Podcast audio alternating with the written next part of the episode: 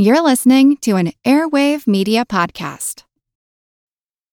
This episode is brought to you by Snapple. Want to know another Snapple fact? The first hot air balloon passengers were a sheep, a duck, and a rooster.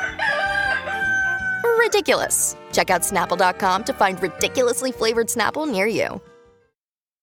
When you need mealtime inspiration, it's worth shopping Kroger, where you'll find over 30,000 mouthwatering choices that excite your inner foodie. And no matter what tasty choice you make, you'll enjoy our everyday low prices, plus extra ways to save, like digital coupons worth over $600 each week. You can also save up to $1 off per gallon at the pump with fuel points. More savings and more inspiring flavors make shopping Kroger worth it every time. Kroger, fresh for everyone. Fuel restrictions apply. This is Kick Ass News. I'm Ben Mathis. Folks, these days more investors are getting into day trading to take advantage of market downturns instead of watching helplessly from the sidelines. The problem? Day trading can be risky, and trading the downside can be confusing. But binary options on Nadex let you day trade with risk protection built in. You decide your maximum risk and reward, and you can never lose more. And trading downturns is just as easy as trading rallies. Try day trading for yourself on the first and largest American binary options exchange. Trade stock indexes, commodities, forex, even economic numbers. See why over 100,000 members choose Nadex. Find out more at nadex.com. That's N A D E X.com. Trading on Nadex involves risk and may not be appropriate for all investors. And now, enjoy the podcast. Well, it was my New Year's resolution to lose 15 pounds this year. I've only got 25 pounds to go. I read recently Kim Jong un is considering outlawing sarcasm in North Korea. I wonder if he proposed that to his team and one of his generals said, Oh, yeah, that'll work. Tennis is weird. If you don't have any points, you have to say love. You don't say it like that with other things, like your checking account. Oh, no! I've got love! Hi. I'm Ben Mathis. Welcome to Kick Ass News. That was a trailer for comedian Brian Regan's new Netflix stand up special, Nunchucks and Flamethrowers. Brian Regan is widely respected by comics from Jerry Seinfeld to Marc Maron as one of the hardest working comedians in the business, with an appeal that crosses generations and gender lines, and a knack for finding fresh, hilarious takes on topics that might seem played out to lesser comedians all without swearing or politicizing or talking about sex. Though he says being labeled as a quote unquote clean comic is a double edged sword, it's also a source of pride for a comic who works meticulously on his craft and routinely fills some of America's largest concert venues, including Radio City Music Hall.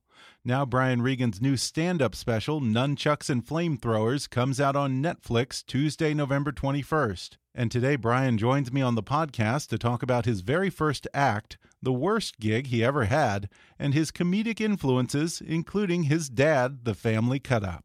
He shares why he doesn't want to see his audience, why he never plays the town he lives in, and the incredibly weird audition that got him on The Tonight Show with Johnny Carson.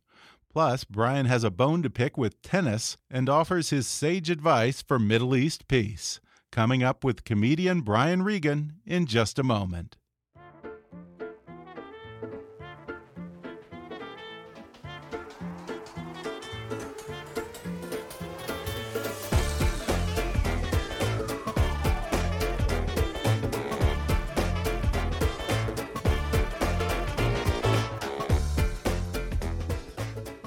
I'm joined today by comedian Brian Regan, who is coming out with a new Netflix comedy special November 21st called Nunchucks and Flamethrowers. Brian, thanks for coming on the podcast. Thank you, Ben. Well, I watched the Netflix special last night, and I just have to say how happy I was to see you take on tennis and how they score the points on tennis because I grew up in a tennis family. They were all about tennis, and I could never make sense of how they keep the score. It's the craziest, most illogical thing. I agree completely. I never understood it. And there, there must be some history to it. What why they do 15 and 30 and 40. Yeah. But uh, I've always found it absurd. Instead of just one, two, three. One, two, three, four. I, I, I, I could never wrap my head around why that wasn't the scoring system. Yeah. One, two, three, four. 15, 30, even the ratios. why, why 15 and then 30 and then 10 more to 40? Like, Yeah. like why is Yeah, the ratio any less. different? it just completely blows my mind. I've asked a million times. I don't think anyone there. There has to be some kind of story behind that, but I've never gotten any kind of explanation. Right. it. I'm afraid to look it up because Yeah. then that ruins the comedy. Yeah, It's like when people come up after shows and they like solve one of your comedic problems and then you go, Yeah, but I'd rather have the Yeah. I'd rather have the three minutes of comedy than to know the solution and have nothing to talk about. Yeah, you got to come up with another five minutes then. That's right. That's why I don't read. That's why I don't Yeah. read and why I don't I don't pursue any knowledge. you have Wikipedia blocked on your phone. I, everything is blocked because if I get the actual information, then I have nothing to talk about. Well, two years ago, you did a Comedy Central special from Radio City Music Hall, 100% live. I noticed you didn't do that with this new special. No. Any lessons learned there from that Um, experience? Well, I'm I'm glad I did a live special in my lifetime. I Mhm. wanted to do one. I wanted to take the challenge on, um, but one is enough for this lifetime. It, it's a very intense experience because um, you don't want to make any mistakes, and um, you know, to me, I'm I'm more interested in the comedy, but I found that of other people were like more interested to see if you went off the rails somehow. You know what I mean? It's Yeah. like like some people when Yeah. they go to a NASCAR race, they want to Exactly. see wrecks, Yeah. and it's like. Well, I would rather if I was a NASCAR driver, you'd like to see me cross the finish line first. yeah. So it's the same with comedy. It's like I would prefer that you just want to see a good comedy show than see me have some type of public meltdown. yeah, there's a little bit of Schadenfreude there. probably. yes.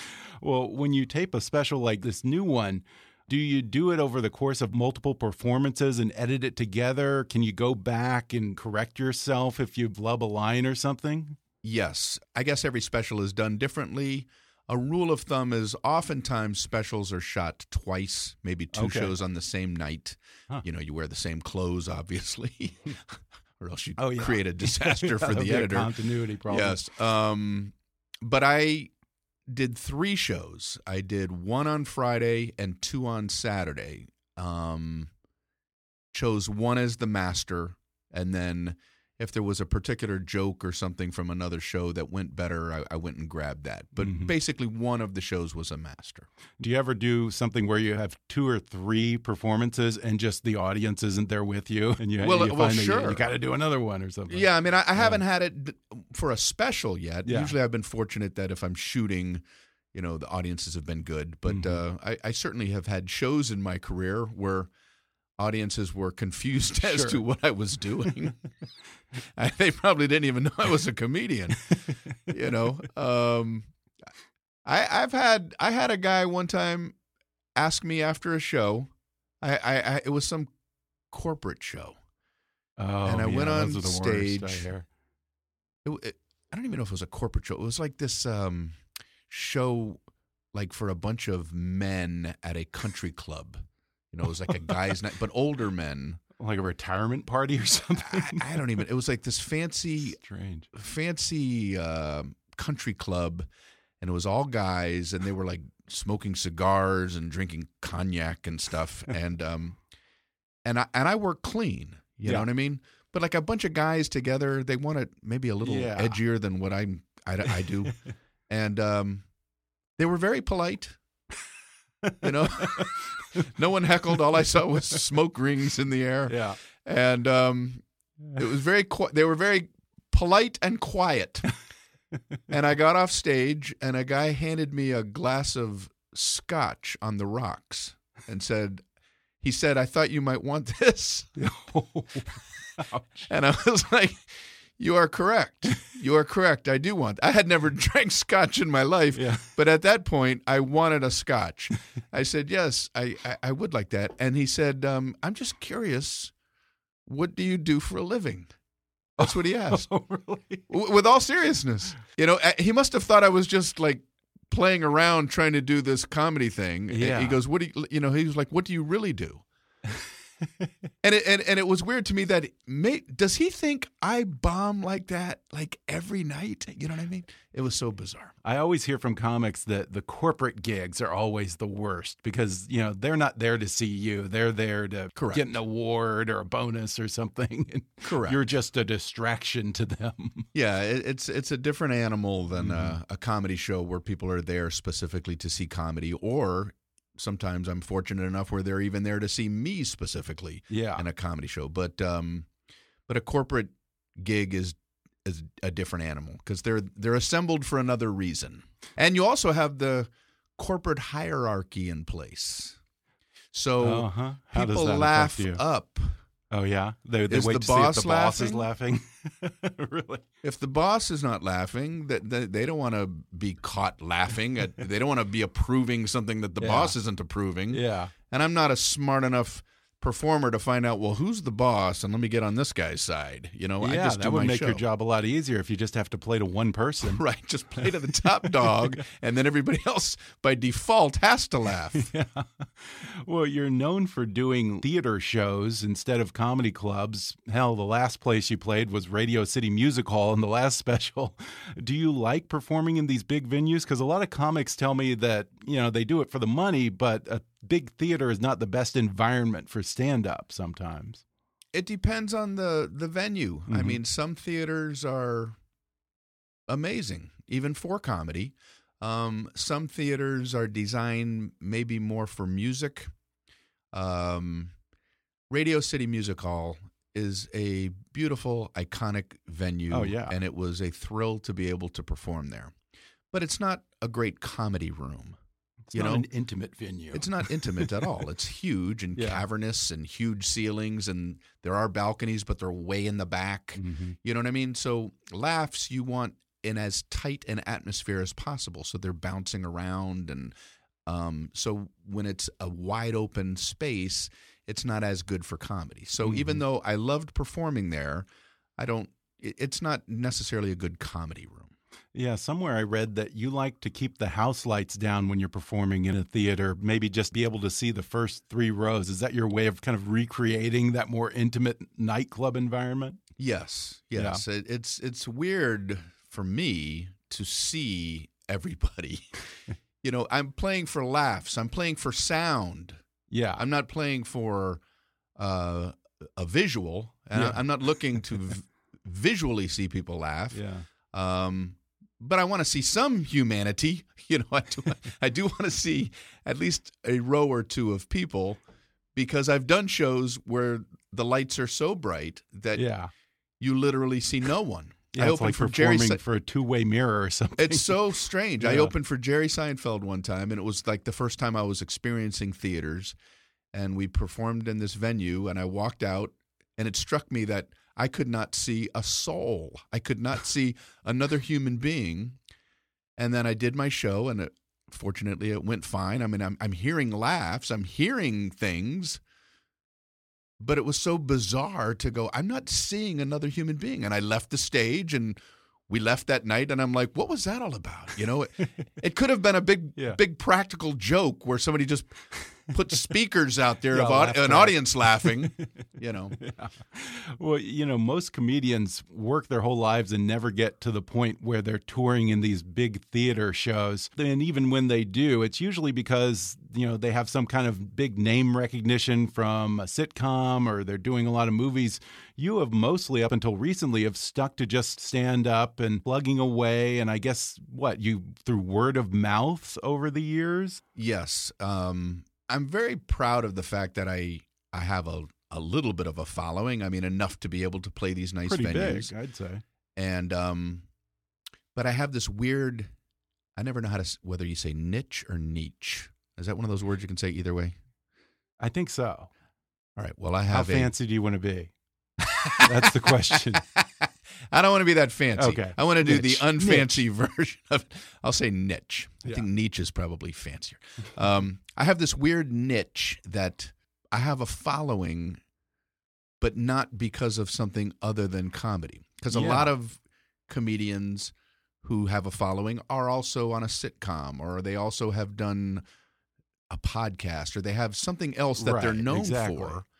I don't have anything else that I'm known for. So if people are coming out to see me, it has to be because they like my comedy, because there would be no other way they would know me. Yeah, so it's kind of a lot of pressure though to put on your act. I no, I like it. Yeah, I like you it. Like it. Now, now, who were some of the early comedic influences on you growing up? Some comedians who are no longer with us: Richard Pryor, Hmm. uh, George Carlin. Um, I, I I watched a Richard Pryor uh, special about four or five years ago, and he and he was so good at what he did that um, I I, lit- I it literally brought tears to my eyes because I felt like in, in, in, in an emotional way. I mean, not in a comedic way, because I was like watching the art form that I like to try to do Mhm. done in a masterful way. You know, I felt like I was watching maybe somebody who's just trying to get into painting. Watch, you know, you get to watch Rembrandt paint or something, and I'm like, wow, comedy can be beautiful. Yeah. And he was so good at it. Um, Oh yeah. so anyway, I'm a Richard Pryor fan, George Carlin fan, uh, Jerry Seinfeld, big fan Uh-huh. of Jerry Seinfeld, um, and then there are people out there today. Seinfeld, of course, is still performing. Yeah. Maria Bamford. I don't know Oh, if you're yeah, familiar she's with her. great, yeah. she's wonderful. Yeah, you know, and hilarious. she, she has her own. I'll use niche for her. um, you know, she does something that nobody else does. She has Yeah. these quirky characters, and, and she's just. I, I love that comedy can be done in a variety of ways, and when someone can hit on a unique approach, like Maria Bamford has been able to do, I love to to experience that. Yeah, and it's interesting that you mentioned George Carlin and Pryor because, you know, those are all bluer than blue comics in their day. And you have this label of a clean comic, which, you know, it sounds like you probably chafe at that label, do you? It's it's a double edged sword. Yeah. Um, clearly, there are many people out there who like clean things, whether it's comedy, uh, you know, they just prefer what they consider a wholesome type of entertainment. Mhm. Maybe they have families. You don't even have to have a family. You could just be a, you know, a- an older person who prefers a, a clean type of approach to entertainment. And I respect that. But I think people often miss the point as to why I do it. Yeah. I'm not doing it for wholesome reasons. I do it for the comedic challenge. You know, Mhm. I want to see how hard I can get Yeah. somebody laughing without hitting certain buttons.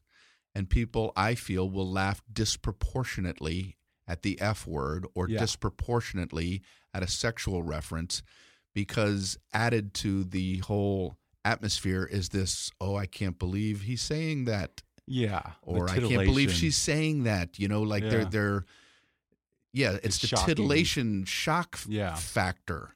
Um, but there are comedians out there who work blue or dirty who I think are great. Sure. It it depends on whether it's organic to your message. Yeah. And Or if you're hitting buttons. a crutch, I guess. Exactly. If, if you're if you're pushing buttons for the sake of pushing buttons, like oh, I know if I say this outrageous thing, I'll get a reaction.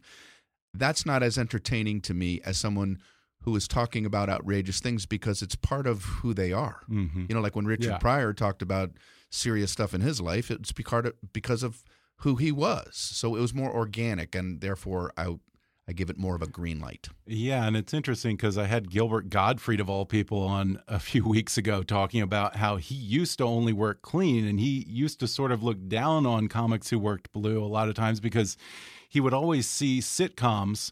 Some comedian he know would be on there, and they would say some line like "I ate a sandwich," and it would just bomb.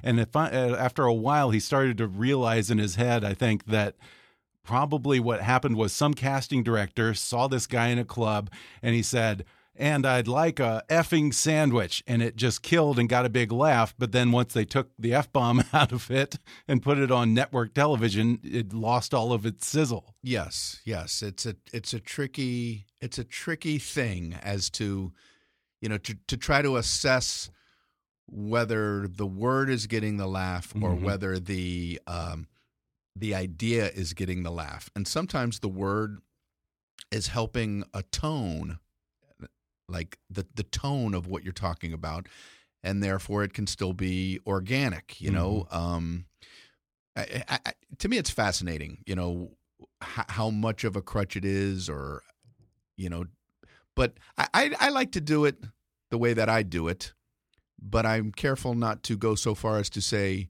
everyone should do it the way I do it. I like Yeah. that there are blue comedians. I like that there are dirty comedians. I like that there are political comedians. I like that there are prop comics. Everybody should be approaching it from the perspective that works for them. Yeah, yeah. I think that probably audiences sometimes have trouble accepting that there are a lot of different varieties of comedy out there. Yes. Yes. A, a, a weird compliment for me is when someone comes up after a show and instead of just saying, hey, wow, I really enjoyed your show, they kind of like lean in, like, I'm glad you're not like them. Interesting. You know, it's an us Yeah. against them, and Yeah. them Huh. in their mind is Mhm. dirty comedians. That's interesting. They kind of pit you against, uh, you know, the comedians who don't work clean. And, That's and, interesting. and I feel like but saying, you don't feel that way. I, I like them. yeah. I, I I like what they do as well as what I do. You know what I mean? So you might only like what I do, and that's fine for you. But you know, it, it's weird Yeah. picking sides. Yeah. What, are- what are you only supposed to like yourself and Jim Gaffigan? and I love Jim Gaffigan. yeah. Yeah, yeah. you we- get that comparison a lot. oh yeah. He I, probably I think, does too. Yes, I think that of all the comedians, I get compared to not. Com- I, I, I'm I'm grouped together with him probably more than anybody else because he also works clean Mhm. and he also has a very observational style. You know, I like the way he can just you know pick some subject and go at it for five minutes. You know, I like to do that Yeah. occasionally as well. Yeah. Uh, do you ever feel that you've been defined or pigeonholed and maybe you want to break free of certain things that you're known for, whether it's the physical comedy that you do, the moving around, the crouching, or. Yes. Yeah. Yes, I have. Uh, I, I, I've purposefully gone the long route with Mhm. my comedy um, because I don't. I've always been resistant to be a caricature of myself. You know, Yeah. I think oftentimes if an entertainer or a comedian specifically starts to be defined a certain way, they naturally would think, "Oh, this is something that's working for me. I should I should go towards this, um, and let this be my thing." Um, I've always resisted that. it's like as soon as I feel like I'm being defined a certain way, I say I go away from that hmm you know um like you say the physicality i used to crouch over and like you know uh and when i started when people would say well this is what brian regan does i'm like well that's maybe part of it that's not all i do so i would start standing erect on stage um and then i also d- used to do a lot of uh feeling dumb fantasies you know Okay. feeling socially Yeah. awkward and Oh, feeling yeah, yeah. inadequate and then when I felt like people were saying, "Well, that's Brian Regan's uh, go-to or shtick Yeah. or whatever," not in a bad way, but I, I thought, "All right, I'm going to start writing anger fantasies," you know, and uh, so I include a lot of Mhm. those in my show. So I wanted I wanted to make it hard for people to define me, which is probably um, lessened the ability for me to make it big. Yeah. Oh, you think so? Oh, That's yeah. Interesting. Yeah. Now, did you come from a funny family growing up? I know that you had a big family. Yes, um, my mom and dad have eight kids. My my father just passed away about four or five months ago. He was ninety. Um, he would have celebrated his ninety first birthday, November eleventh. Um, he was very funny, very dry sense of humor, yet silly. Um, he liked comeuppance kind of comedy. He liked when when somebody who was full of himself got a stick poked at him. You Yeah. know? He liked um, he liked when things were made right, you know, even through comedy. But I've always liked that he was a caring person and he Mhm. liked when when pompous people were neutralized through humor, you know? Yeah. And my mom is a very smart woman. She's still alive. Uh, she's also 90. Um, she had a master's in English, yet she has a very goofy sense of humor. She used to love Andy Kaufman when we were young Oh yeah. you know, who's just silly, you Yeah. know. Um, and to have somebody who, like, you would never beat my mom in Jeopardy ever, yet she liked this outlandish goofball kind of humor. Yeah. So I think having both of them in my life, I- I'm sure helped form who I am as a comedian. Yeah. And, And then all my brothers and sisters are also funny as well in their own ways. yeah, don't you have a brother who's also a comedian? My brother Dennis, Yeah. very funny stand up. Mhm. Uh, we work together occasionally. He uh, he did a handful of Lettermans. He did the Tonight Show a couple of times. He wrote for the King of Queens TV show when it was oh, on. Yeah. Um, a very good Oh, writer, good. very very funny guy. I read somewhere that you went to college to be an accountant. Yes. And you ended up dropping out to go into comedy. Well, what what inspired you to do that? I mean, talk about a radical career shift. I went to co- I went to Heidelberg College in Tiffin, Ohio. Um, it is now called Heidelberg University. I say my my college graduated before I did.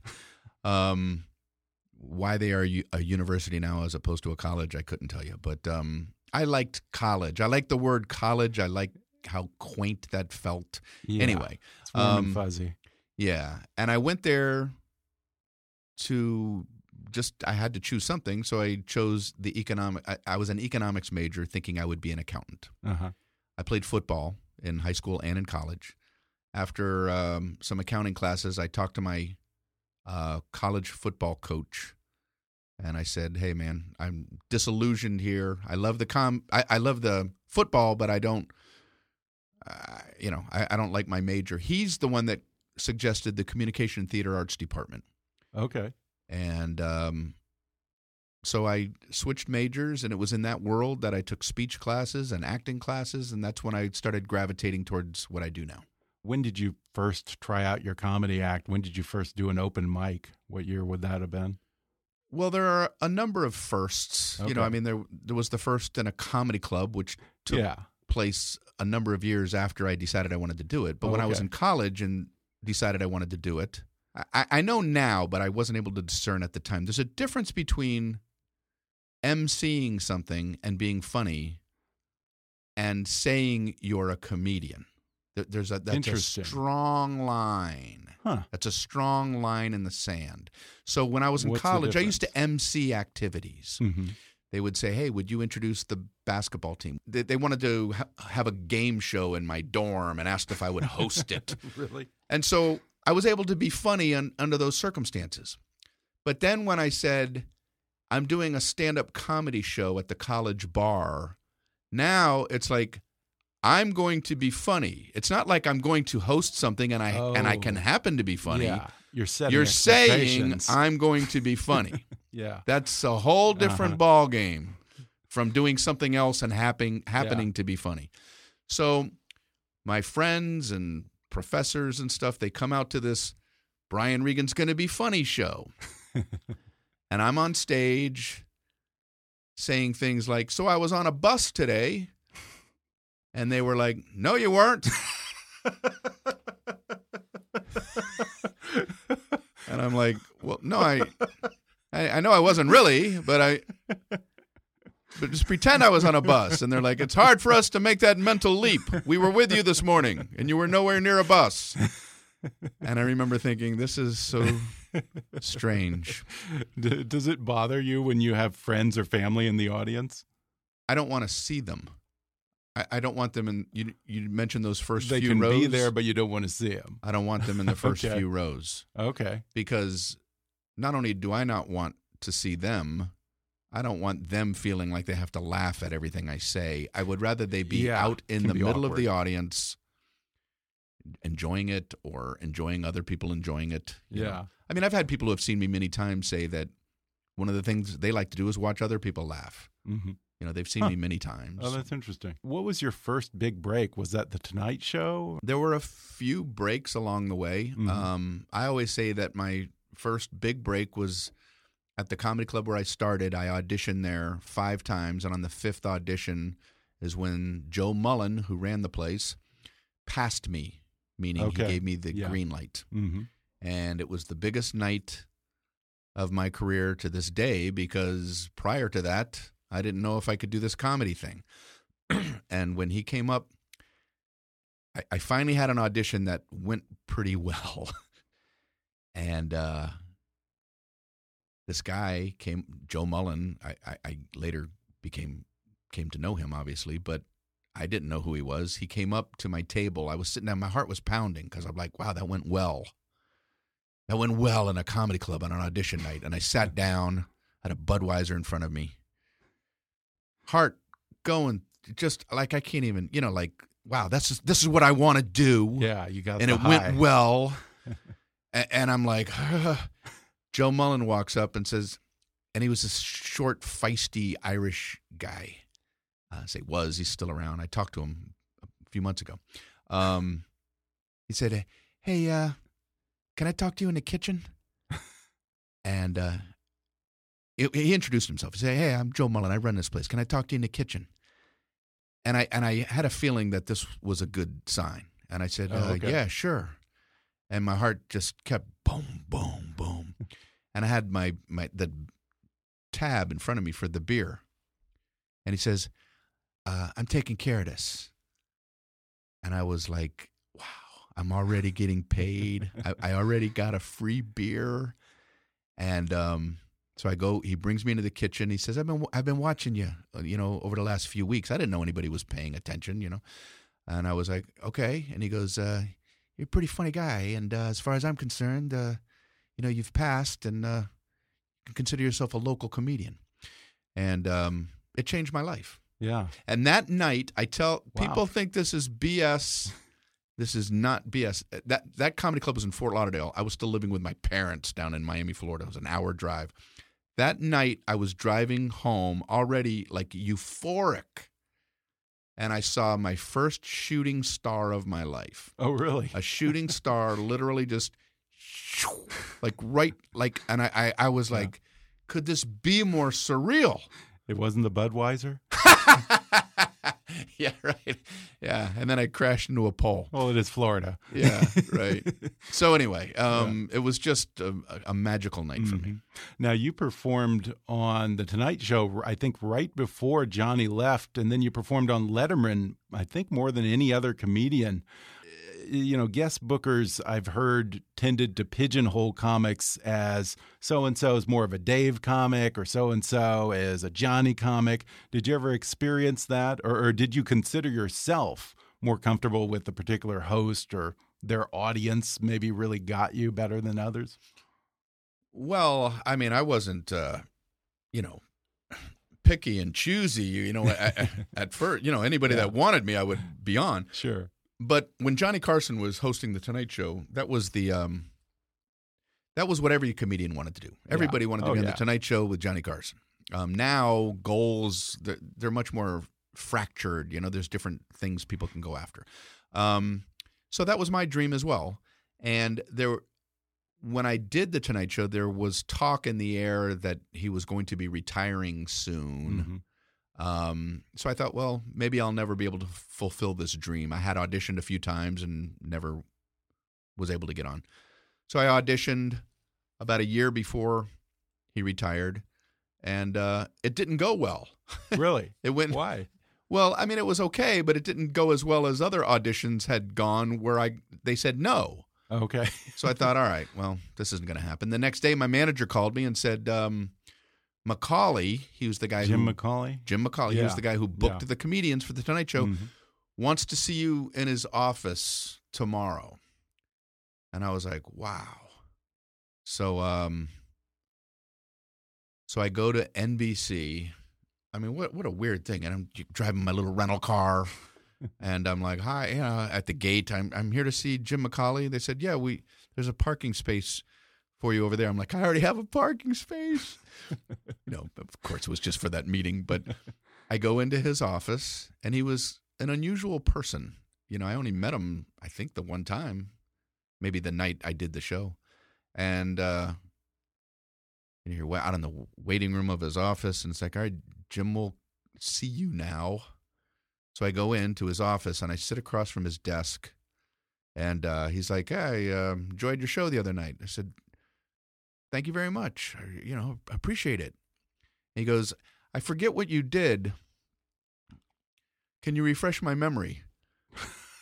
and I'm like, "This is bizarre." And I and I'm like, "Do I do the jokes? Do I just paraphrase?" I said, "Well, my first joke was uh, about saying." uh, U2 at the wrong times and feeling silly about it.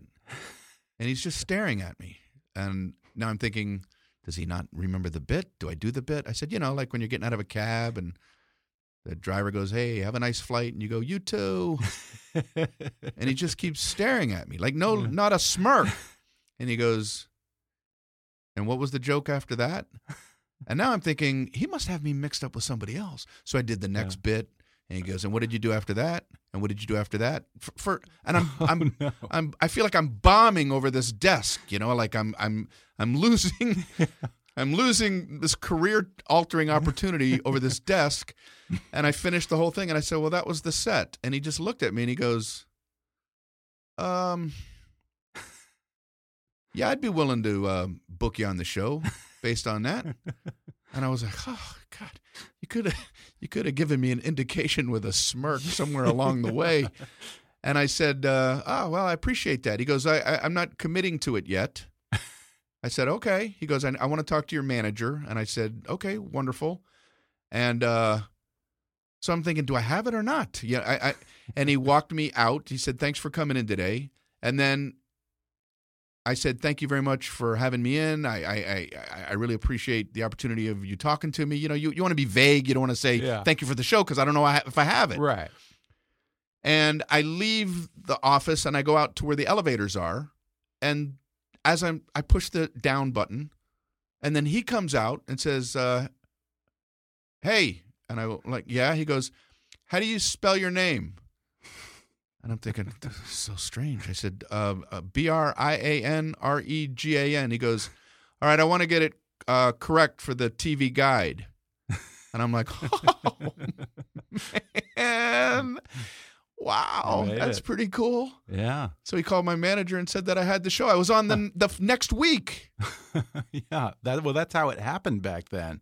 You know, you get discovered, you're on the next week, and the next week you're getting sitcom offers. You oh know, gosh. that was always the legend about the Tonight Show. Yeah. I, I thought you were going to tell me that it turned out that he had Alzheimer's. oh no, Jim McCawley has Alzheimer's. No, it was. Yeah. Um, so anyway, it was. Uh, it was pretty amazing. Uh, now, what is your process like when you're working on an act? Do you sit down and try to write jokes, or do you have to be out and about and get the inspiration from being out in the world?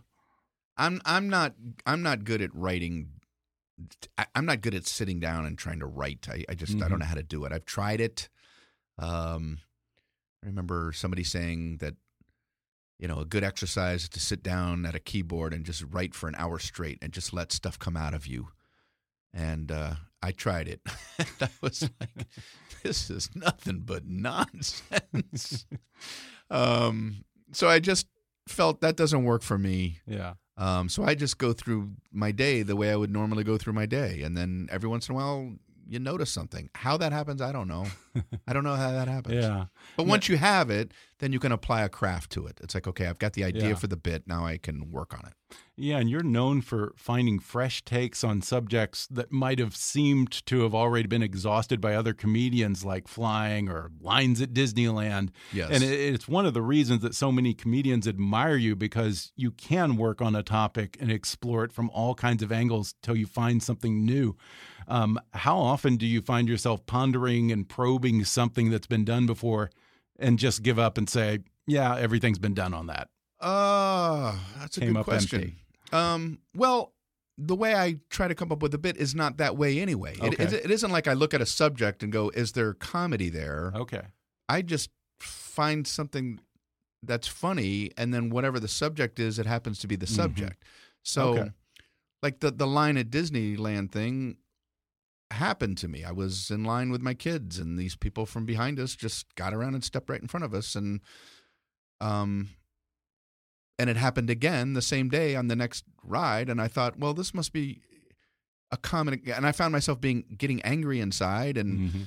So I thought this must be a common experience for people, and let me see if there's some comedy. Yeah. You know what I mean? So it happens Okay. to me first before I go, Okay. okay, Disney lines, where are the jokes? I, I, I can't do it. You that don't way. think is there anything new that I can mine No. off of this one particular subject? Okay, and and I mentioned how many comedians praise you as the comedian's comedian and say you were an influence on them. Do you ever watch young comics today and see your influence or a joke that maybe built off of some bit you did in an early act? Um, And I don't mean in an egotistical way or anything like No, I- I've you owe me. no, I've I've Yeah. worked with, uh, you know, when I played comedy clubs, you know, sometimes it would just be the local comedians who were Mhm. opening and middling and that sort of thing. Uh, now that I'm playing the larger venues, I choose who's going to be that I'm who I'm performing with. But it used to be, you know, you would perform with some people and you go, oh, these are a couple of local people from this town, and sometimes I felt like. Um, they might have been influenced by me with, with their style. You know, you know, talking about the crouching over thing and the the feeling stupid Yeah. stuff. And I, I, I remember there were times where I'm thinking, I have to follow me. I, I, have to follow. I have to follow a version of myself. Um, but it it's flattering. You- you- you- Oh, there's sure. a difference between being influenced and outright stealing. stealing. You know what I mean? Yeah. Like I, I'm sure that I've been influenced by comedians out there. Oh yeah. Everyone you just have to guard against going too far with it. hmm Yeah, and I understand that you only go on tour. You don't like to perform close to home. Why is that? I live in Las Vegas. My kids are in Las Vegas, and I like to wear the daddy hat when I'm in Uh-huh. Las Vegas. And Oh, when okay. I'm there, that's the what I like to wrap my head around. Mhm. Um, there's plenty of places I can play on the road, so I like to get on a plane and go play show business. I'm, I'm hey, I'm in show business for a weekend, you know, whatever that is. Um, and you deal with all of that. I'm, I'm not saying deal with it like it's negative, but I mean Yeah. you, that's just You keep you- it separate. you, you, you, you're you're getting comps for people. You're getting Mhm. backstage passes. You're doing that whole thing. Um, but when I go home, I, I don't want that to be part of my world. I don't want to be dealing with people coming it. in town going, "Hey, you, Yeah. can, can we get tickets for your show?" and all that sort of thing. Yeah. It's like, no, Yeah, I want to be with my kids. Uh, the irony is that you live in Vegas, which is probably the best place to be a recognizable comedian. You could probably get a fifty million dollar deal to headline at Caesars for five years if you wanted Well, to. uh, if if I knew that was the case, I'd be I'd be dealing with the problems I was talking about. well, you've mostly stuck to stand up throughout your career, and you haven't gone the usual route into movies and sitcoms until very recently. You're now starring in this show, Loudermilk. Uh, was it an easy transition into acting for you? Well, first of all, I you say starring, and I have to Okay. have to quibble with that. You're cast I'm in. in it. Okay. I'm I'm a, I'm a cast member in it, and I'm happy to do that. And I also want to go back and um, uh, correct something you said Mhm. earlier Okay. When you said that I had been on Letterman more than anybody. I That's what I had heard. I've as a stand-up, I was on Letterman. I think more than anybody after they moved to CBS. Okay. But the okay. show went back to NBC. So the show was on for a longer than when they moved to CBS. Yeah. Jake Johannsen, who is an incredible comedian and an influence to so many, um, when you combine the two shows, did m- more than me. More, Mhm. I think he had more appearances than anybody. And uh, I just want to make sure that I'm Okay, that's very giving the humble right of tip of the hat to, you didn't. You don't have to do that. That's oh no no no no no! cool, I, I, yeah. I don't want to take something that I don't Yeah. deserve. Um, Jake Johannsen is the top dog as far as that's Mhm. concerned.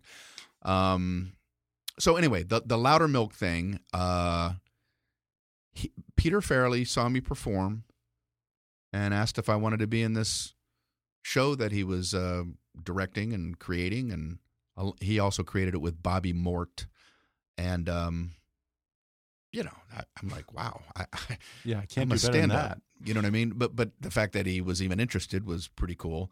Sometimes people say things like that and they never follow through. Yeah. He's one of these guys that actually every time he said he's going to call me, he did. like he goes, "All right, I'll call you like in a few days," and then he called me. You're like, he's actually calling me, and um, so one thing led to another, which is a bit of mine. Um, uh, and I ended up in this show, I, Yeah. You know, I have a a small part in it, but it's been thrilling for me to Yeah. to try the acting thing, and uh, Yeah. I'm having fun with it. Great. Well, in Nunchucks and Flamethrowers, you do a bit about the Israeli Palestinian conflict. And I, I think that you even performed in Israel just a few months ago. Yes. Uh, before we go, I was wondering, did you do that bit when you were in the Middle East? I did not, and it No. was a dilemma for me Yeah. because that's a very good question because I'm thinking it, it the the joke is about how um, the Israeli-Palestinian conflict. W- w- maybe we should just have a good dad resolve it because a good dad can solve a problem in 30 seconds. Yeah. So I have this thing about, you know, let's send a good dad over there and go, what the hell is going on over here?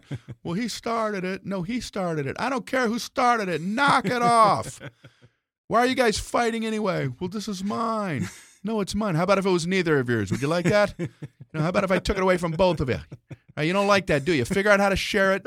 Say you love each other. Get a good night's sleep. We're gonna have a fantastic day tomorrow. So, so that's the bit. Yeah. Um, and, and to me, I'm just uh, sort of making a, a broad point Yeah. about how complicated things. Maybe an easier solution is the, the way to go at. But, But I didn't wanna chose not to do it in the folks i- in Israel. in Israel because I didn't want to create anything bigger than.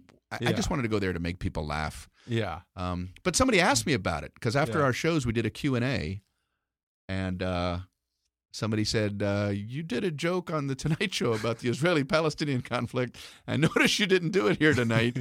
you know, so I, I said, well, because I don't know if you looked around, but we're in Israel. Yeah. you know. Yeah.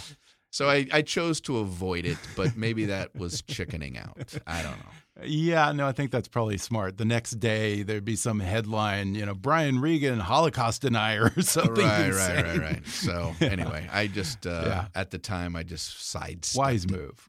well, once again, Brian Regan's new stand up special is called Nunchucks and Flamethrowers. It's available on Netflix November 21st. And where are you performing after that? Any dates that people should look for? Uh, I don't have them in front of me. I, I, I have a, you know, I, you just go to Go brianregan.com and you'll Mhm. see all the dates. BrianRegan.com. Well, Brian, it was fun. Thanks for talking with me. Thank you very much. I appreciate it, man. I had a good time. Me too. Thanks again to Brian Regan for coming on the podcast. Watch his Netflix comedy special, Nunchucks and Flamethrowers, beginning November 21st. Follow Brian on Twitter at, at Brian Regan. And for more information, tour dates, and tickets to Brian's live shows, go to brianregan.com. Today's episode was sponsored by Nadex. You know, more investors are getting into day trading to take advantage of market downturns instead of watching helplessly from the sidelines. The problem? Day trading can be risky and trading the downside can be confusing. But binary options on Nadex let you day trade with risk protection built in. You decide your maximum risk and reward, and you can never lose more. And trading downturns is just as easy as trading rallies. Try day trading for yourself on the first and largest American binary options exchange. Trade stock indexes, commodities, forex, even economic numbers. See why over 100,000 members choose Nadex. Find out more at nadex.com. That's N A D E X.com. Trading on Nadex involves risk and may not be appropriate for all investors. If you haven't already, be sure to subscribe to Kickass News on iTunes and leave us a review. You can follow us on Facebook or on Twitter at, at KickassNewsPod. And as always, I welcome your comments, questions, and ideas at comments at kickassnews.com. I'm Ben Mathis, and thanks for listening to Kickass News.